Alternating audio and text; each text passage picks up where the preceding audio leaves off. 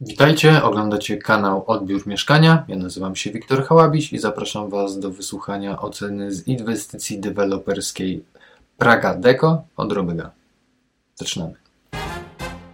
Więc tak, umowa była podpisana, zapisy z umowy zrealizowane, ale są niezgodne z normami. No i tu mam mały dylemat, ale dojdziemy do tych powierzchni pod ściankami e, zaraz. Obsługa nie naprawiała na odbiorze, ale generalnie wszystko mm, było ok. Dlatego trzy punkty. Obsługa przekazywała informacje o użytkowaniu. Powierzchnia pod ściankami działowymi pół punkta, ponieważ było to wyraźnie opisane. I tutaj duży plus, ponieważ w tabelce jest napisane powierzchnia użytkowa lokalu, pod spodem jest powierzchnia pod ściankami działowymi, powierzchnia sprzedaży, czy jakkolwiek by tego nie nazwali.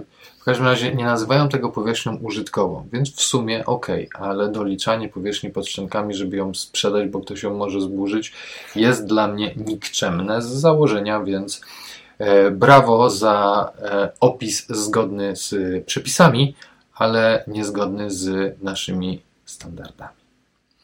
Miejsca postojowe OK, komórki lokatorskie. W zabudowach systemowych się pojawiły opis okien. Znowu bardzo treściwy opis, ale nie wnoszący za wiele informacji. Okna PCV, no taki już standardowy e, błąd, bo tak naprawdę są PVC, ale to nieważne. Kolorystyka według projektu. To chyba nic nam nie mówi. Nawiewniki, że będą, chwała im za to, natomiast nie wiemy ile będzie szyb, nie wiemy jaki będzie kolor tych okien. Tynki gipsowe, zakładam, że zgodny z kategorią trzecią, ale to tylko moje założenie. E, ściany były malowane, osprzęt elektryczny był zamontowany, ale nie było możliwości jego sprawdzenia.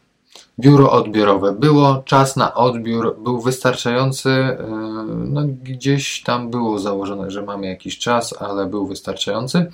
Tabliczki kierunkowe, była e, informacja parking, była przestrzeń do parkowania co prawda na ulicy, ale tam nie było zakazu zatrzymywania się, więc wszyscy się mieściliśmy.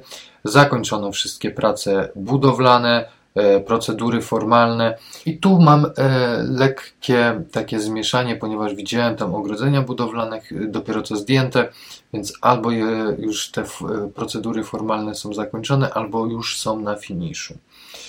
Lokal był przygotowany jak najbardziej, usterek było E, sporo, ale głównie estetycznych i możliwych do usunięcia. Najpoważniejszymi był głuchy tynk. Występował w każdym lokalu. W pierwszym więcej, w drugim trochę mniej, w trzecim mało, ale zawsze był gdzieś głuchy tynk. Co to jest głuchy tynk? Jak pukniemy w ścianę, to okazuje się, że tam pod spodem jest taki głuchy dźwięk. Tu go nie ma, bo tu nie ma głuchych tynków. To jest moje. I w momencie, kiedy byśmy wiercili e, w tym miejscu, to udar mógłby odparzyć, no to już było odparzone, mógłby po prostu pokruszyć to, co tam jest już odparzone i będą to po prostu odpadło dużym kawałkiem. E, I te głuche tynki zwykle występują gdzieś nad zasłonkami, firankami na nadprożu, tam gdzie akurat będziemy wieszać karnisz względnie, jeżeli nie będzie sufitowy, tylko ścienny. I dlatego to problem. Poza tym typowe usterki, jakieś tam estetyki, e, nic nadzwyczajnego. To tyle. Szybkie oceny, bo dzisiaj nagrywam hurtowo, e, więc e, przeciętna ocena, ale fajnie, że żeście przyszli posłuchać. Do zobaczenia na kolejnym odbiorze. Pozdrawiam, cześć.